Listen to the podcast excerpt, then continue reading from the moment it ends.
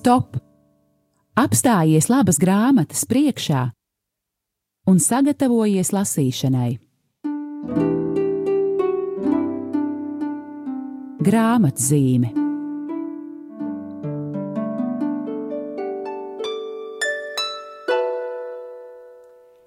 Esiet sveicināti, mīļie klausītāji! Raidījums grāmatzīme un Rādio Marija Latvijas studijā atkal esam mēs. Mani sauc Aija Balode un Laura Feldberga. Un eh, šodien mēs jūs aicinām kopā atvērsim ļoti interesantu, intriģējošu grāmatu. Tās autors ir Žaks Fešs, un tās nosaukums Pēc piecām stundām es redzēšu Jēzu. Cietumnieka dienas grāmata. Pēc piecām stundām es redzēšu Jēzu. Ar šiem vārdiem noslēdz Žaka Feša dienas grāmata, ko viņš raksta cietumā, būdams notiesāts uz nāvi. 1957. gadā, 27 gadu vecumā, Žakam izpilda nāves sodu. Dienas grāmata ir veltīta Žaka meitiņai Veronikai, kurai tolaik ir seši gadi. Žaks zina par spriedumu, zina, kad tas tiks izpildīts. Dienas grāmatā viņš apraksta, kāda ir ikdiena cilvēkam, kurš dienu pēc dienas gaida tuvojamies savu pēdējo rītausmu, bet pats tajā pašā laikā tuvojas dievam. Šī grāmata ir dokumentāla, un tāda tā arī izskatās, proti, uz vāka ir redzama Žaka Feša fotografija. Um, ar apsēju ap galvu viņš ir um, ievainots, viņš ir nodūris skatienu un arī ir par ko.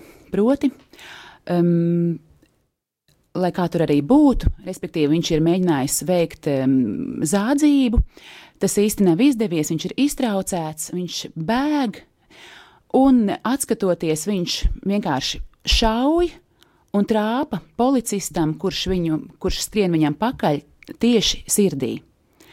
Lūk, tātad viņš tiek apcietināts un um, um, notiesāts par policista slepkavību. Un tā ir, e, tas ir noziegums, par kuru tiek piešķirts um, nāves sots.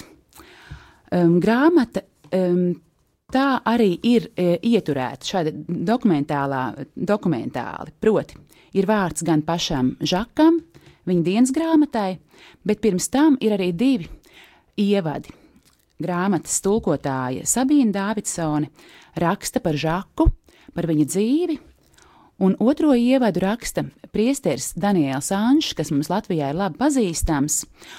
Un, e, arī viņš tā kā ievada mūsu žaka dienas grāmatā, un viņš um, atklāja žaku kā īstu mistiķi. Un par tādu viņš, žaks, ir kļuvis cietumā.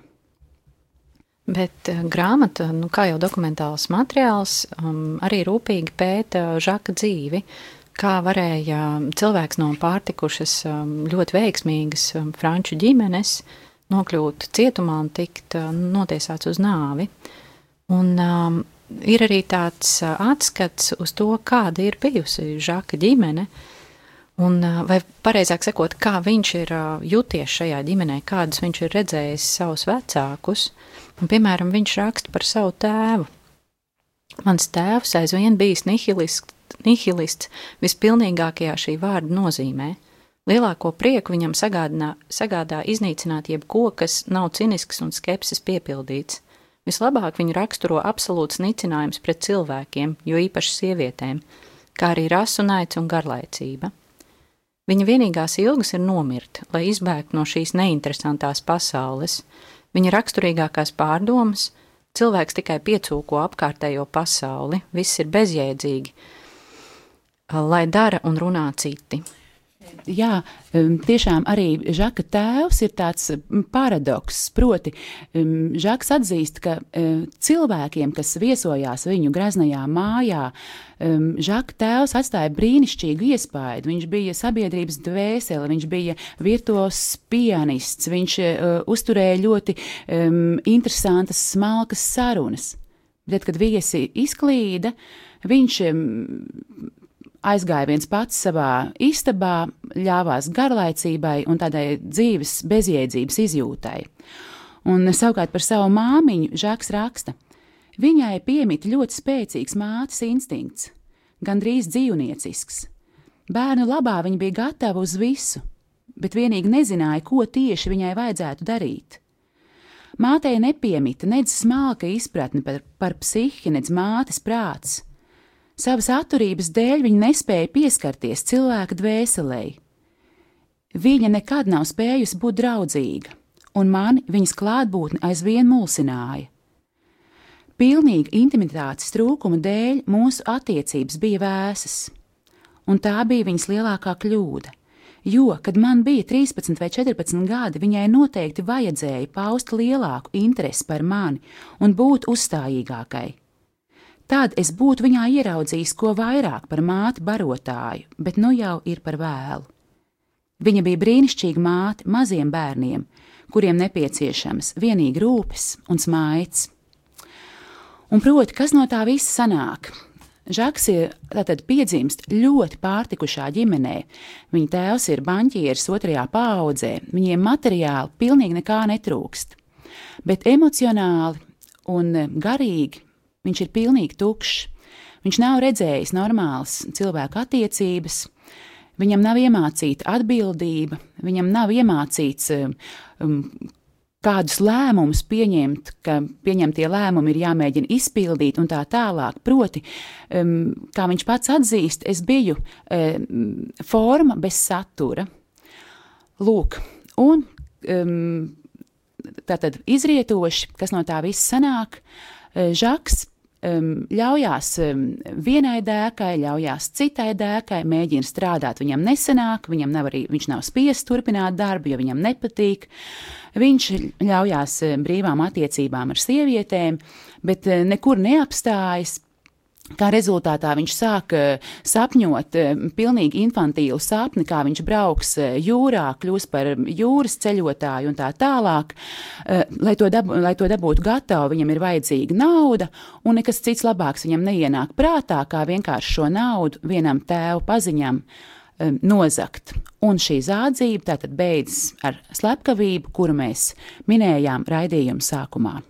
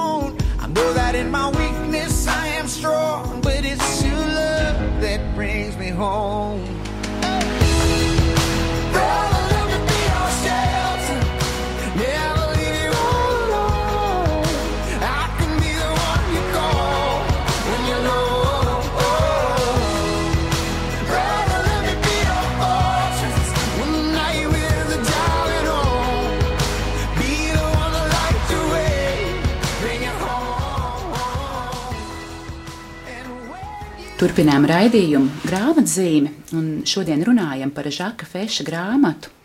Par viņa dienas grāmatu pēc piecām stundām es redzēšu Jēzu.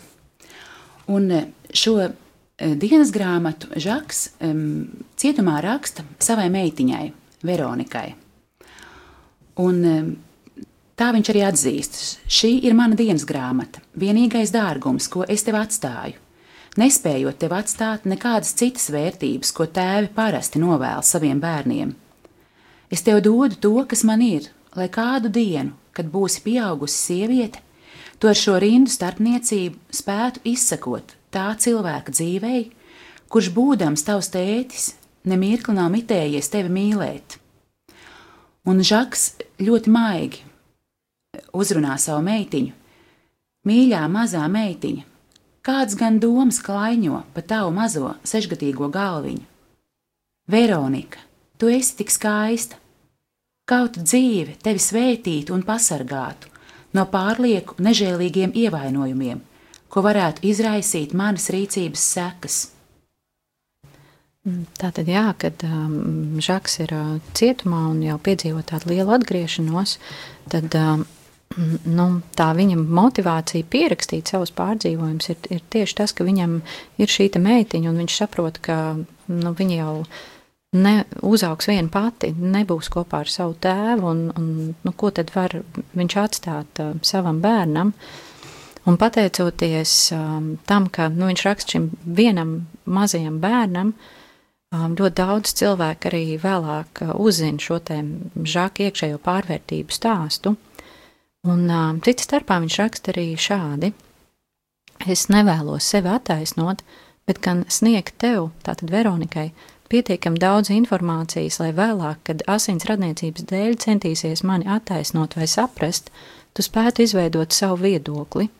Es vēlos, lai tu zinātu, ka tavs tēvs nav tāds, kādu tu viņu, viņu varētu iztēloties, bet vienlaikus vēlos arī to, lai tu atklātu, ka tavam tēvam ir kaut kas spēcīgs un patiesas, ko tev dāvāt. Šīs rindas nebūs rakstītas velti, ja šīs lapuses izlasījusi, tu būsi sajutusi to, kas ir dzīvība, patiesā dzīvība, kur aizsāks šajā pasaulē, lai pilnībā atklātos tur, kur viss ir gaisma. Šīs rindas nebūs rakstītas velti, ja tu apjautīsi, cik neizsakāms lielums un milzīga vērtība piemīta cilvēka dvēselē, un cik savukārt maz nozīmes ir tam, ko mēdz dēvēt par panākumiem šajā dzīvēm. Tiešām par panākumiem šajā dzīvē Žakam rakstīt būtu bijis ļoti grūti, jo tādu, kā mēs varam nojaust, viņam nebija. Bet toties viņam bija ļoti liela, mistiska, garīga pieredze. Un to viņš arī apraksta šajā savā dienas grāmatā. Un, piemēram, nolasīšu jums um, dažus vārdus no um, sestdienas, 3. augusta, ir runa par 57. gadu. Tātad 1957. gada 3. augustā e, Žaks Vešs raksta: Prieks, prieks, prieks un pateicība Dievam! Jau trīs dienas man atkal ir ticība. Nevarētu teikt, ka iepriekš ticība mani būtu atstājusi pilnībā, bet laika gaitā un daudzo pārbaudījumu rezultātā es biju ieslīdis ērtā remdenībā, kuru, kā saka, par vērtību neuzskata pat ēli. Šī ir otrā reize manā dzīvē, kad zvīņas no acīm nokrīt, un es sajūtu, cik maigs ir kungs. Bet eh, dažas eh, rindkopas vēlāk Žaks savai meitiņai raksta, kāda ir bijusi pirmā reize, kad viņš piedzīvo, pats piedzīvo dieva tuvumu. Proti, kāpēc viņš vispār sāk domāt par dievu? Um, cietumā viņu apmeklē kapelāns un viņiem izvēršas sarunas par ticības tēmām. Uh, bet sākotnēji Žaks šajās sarunās uh, piedalās tieši kā tādā eksperimentā, ka viņš mēģina oponēt šim, šim um, kapelānam, viņš mēģina tieši meklēt pretargumentus dievam, un tā viņam ir tāda kā tāda intelektuāla spēle. Bet kādā brīdī viss mainās, un Žaks raksta. Tajā vakarā es atvērtām acīm gulēju gultā, un pirmo reizi mūžā patiešām ļoti cietu no tā, ko biju uzzinājis par savu ģimeni. Tieši tajā mirklī no krūtīm man izlauzās kliedziens, sauciens pēc palīdzības, mans dievs. Un tajā pašā mirklī, kā varens vējš, par kuru mēs nezinām, no kurienes tas nāk, kunga gars mani atvēra pie rīkles. Nē, tas nebūtu tikai tēls. Tā viens šķita, ka rīkle patiešām sažņaudzis, un manī patiešām ienāk gars, kas ir pārāk spēcīgs, lai trauks, kurš viņu saņem, to spētu izturēt. Es jūtu vienlaikus gan bezgalīgu spēku, gan maigumu, kuru ilgstoši panest nav iespējams. Un kopš tā brīža es sāku ticēt ar nesatricināmu pārliecību, kura mani vairs nekad nav atstājusi. Es sāku lūgties, un ar visvarenās žēlastības stiprinātu gribu sāku spērt soļus pretī kungam. Viss šķita viegls, siltuma un gaismas pilns. Un, mīļie radioklausītāji, iedomājieties, ka šī brīnišķīgā, tik spēcīgā pieredze notiek kur? Tā notiek vēsā cietuma istabā ar četras pelēkas sienas, kaut kāds pilnīgi nožēlojams aprīkojums, šis vientuļais žaks un, lūk, dieva gars viņu, kā viņš pats raksta, satver pie rīkles.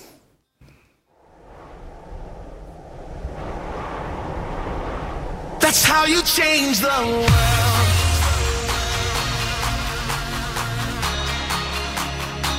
That's how you change the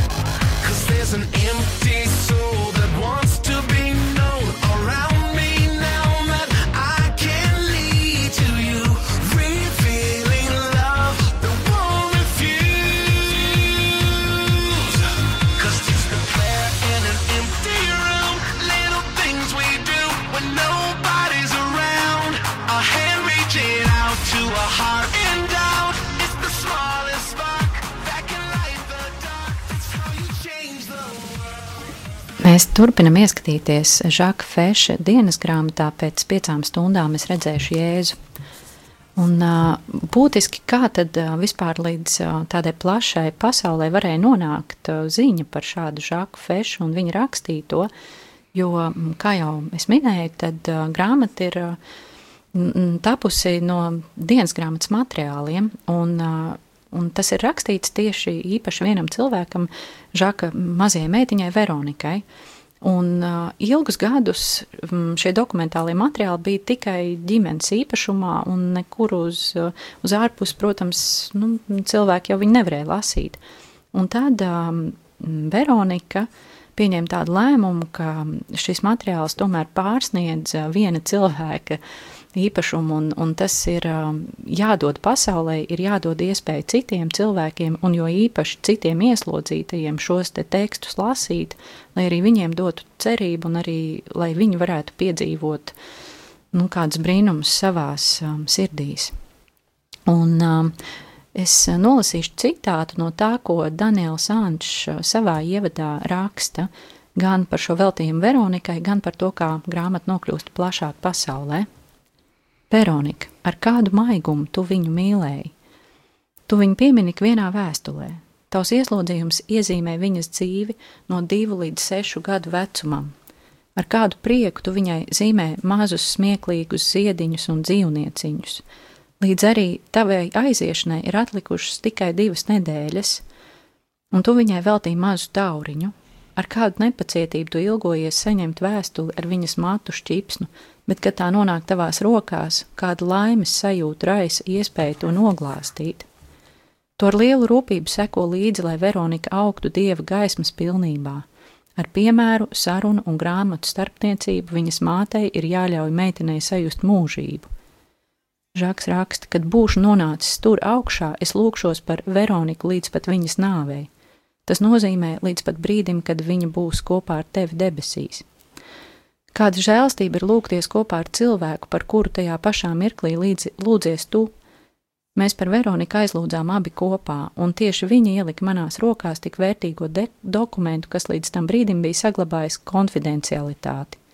Kā gan tas iespējams, ka Veronika, patiesībā ar viņas starpniecību tu pats, beidzot padavās un ļāva tavai dienas grāmatai nonākt atklātībā? Viņa tā rīkojās to ieslodzīto brāļu dēļ, kuriem šīs lapus ļaus gūt kādu mierinājumu. Veronika uzskatīja, ka ir pienācis laiks sēt šo sēklu uz visām debesu pusēm, dāvināt, nodot to citu rokās. Viņa bija apjautusi, ka šīs lapuses ir kas vairāk par personisku dārgumu, ko viņa tik ļoti vēlētos paturēt tikai sev. Beidzot bija pienācis laiks, laiks sēt tajā siržu zemē, kurā šie vārdi varētu nest daudz augļu. Jā, tik daudz par um, Žaka meitu. Veronika, kura tā tad jau būdama pieaugusi sieviete, pieņem šo lēmumu nodot e, viņai rakstīto dienas grāmatu atklātībā. Bet e, es no savas puses vēlētos um, piebilst par vēl vienu e, personāžu, kas arī parādās šajā grāmatā, un viņa vārds ir Žerārs. Un tas ir um, puisis, kas izrādās ir Žaka Feša ārlaulības dēls.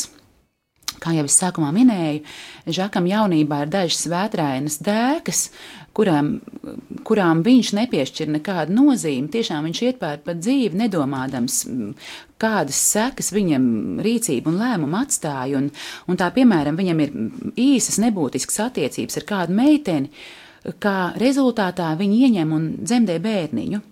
Bet viņa pati ir slima un arī pati ir jauna un, un, un pilnīgi nespējīga pieņemt kādus saprātīgus lēmumus. Viņš šo puisīti vienkārši atdod mm, bērnamā, un mm, puisīts izaug tā arī neko nezinādams par saviem vecākiem.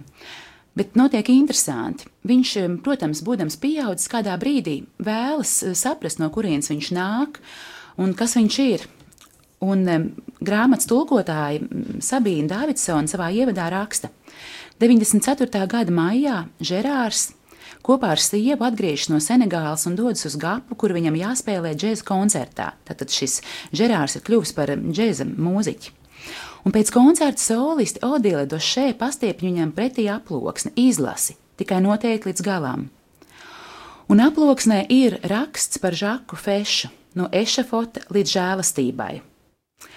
Un Žerārs lasa šo rakstu un saprot, jā, tas ir viņa tēvs. Un viņš atzīst, lai arī viņš ir ateists, viņš vienmēr ir jutis, ka kāds viņu sargā.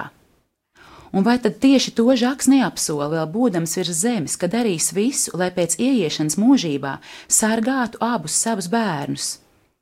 Un vēl interesanti, lai kā arī auģu ģimene iebilst, Žerārs izvēlas studēt mūziku un viņam tas izdodas, un viņš apgūst trompetes spēli. Un cik interesanti, šo instrumentu jaunībā ir spēlējis arī pats Žaks Fešs.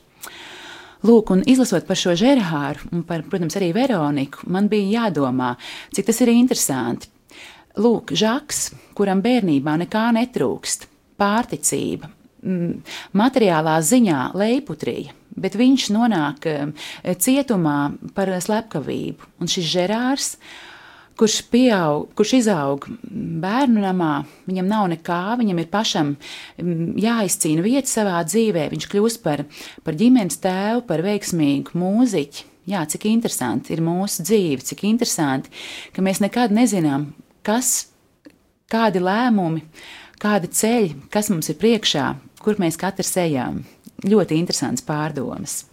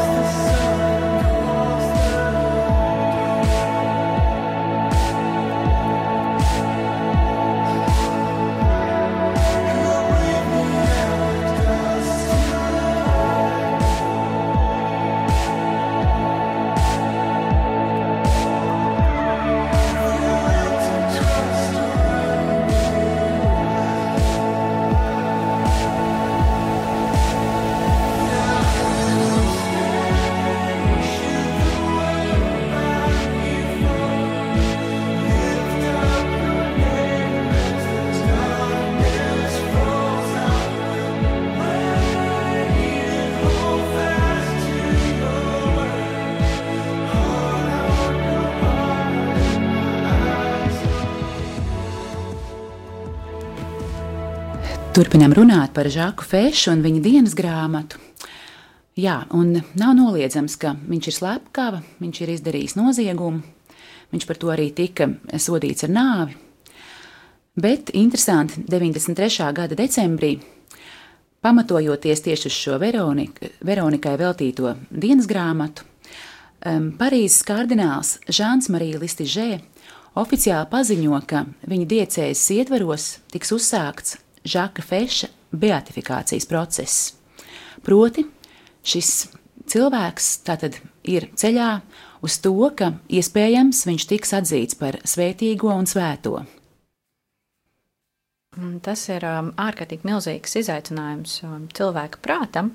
Saprast, nu, kā tas iespējams, ka tik smagu noziegumu izdarījis cilvēks varētu tikt pasludināts par svēto.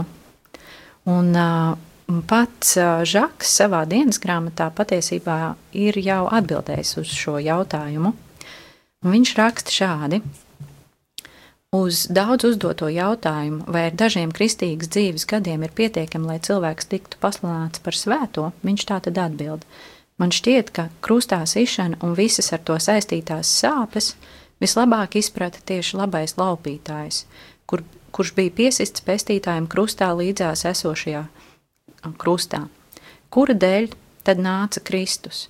Neaizmirsīsim, ka pirmais izredzētais bija par noziegumiem sodītais bandīts, bet pareizie, jeb tie, kas sevi par tādiem uzskatīja, tika pielīdzināti izbalsinātiem kapiem. Ko vēl es varu teikt? Vai to, ka, lai būtu izredzēts, noteikti jābūt noziedzniekam? Noteikti nē. Tomēr šī pati sagra, sagrēkojusies pabira nevienmēr būdam pilnībā atbildīgi par padarīto, ar gandarīšanu, ciešanām, bet galvenais apzinoties savu nabadzību, atradīs taisnu ceļu uz Jēzus sirdi.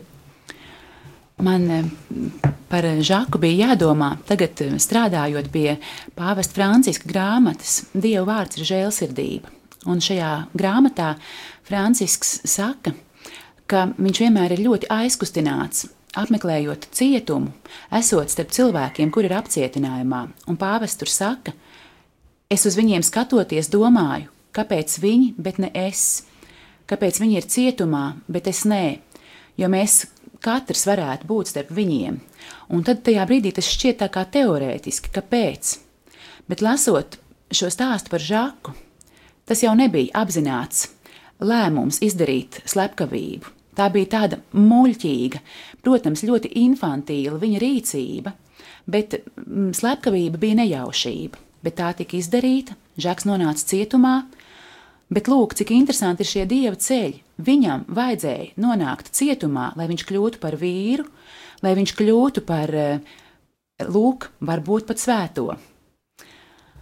Nu, ko lai saka? Lūksimies mēs varbūt uz Žaku Fešu. Varbūt eh, tieši Latvijā notiek kāds eh, viņa beatifikācijai vajadzīgs brīnums, lai baznīca pātrinātu šo viņa beatifikācijas procesu. Paldies par uh, mūsu kopīgo ieskatu grāmatā. Pēc piecām stundām es redzēšu Jēzu un tiksimies atkal raidījumā pēc nedēļas. Visu labu!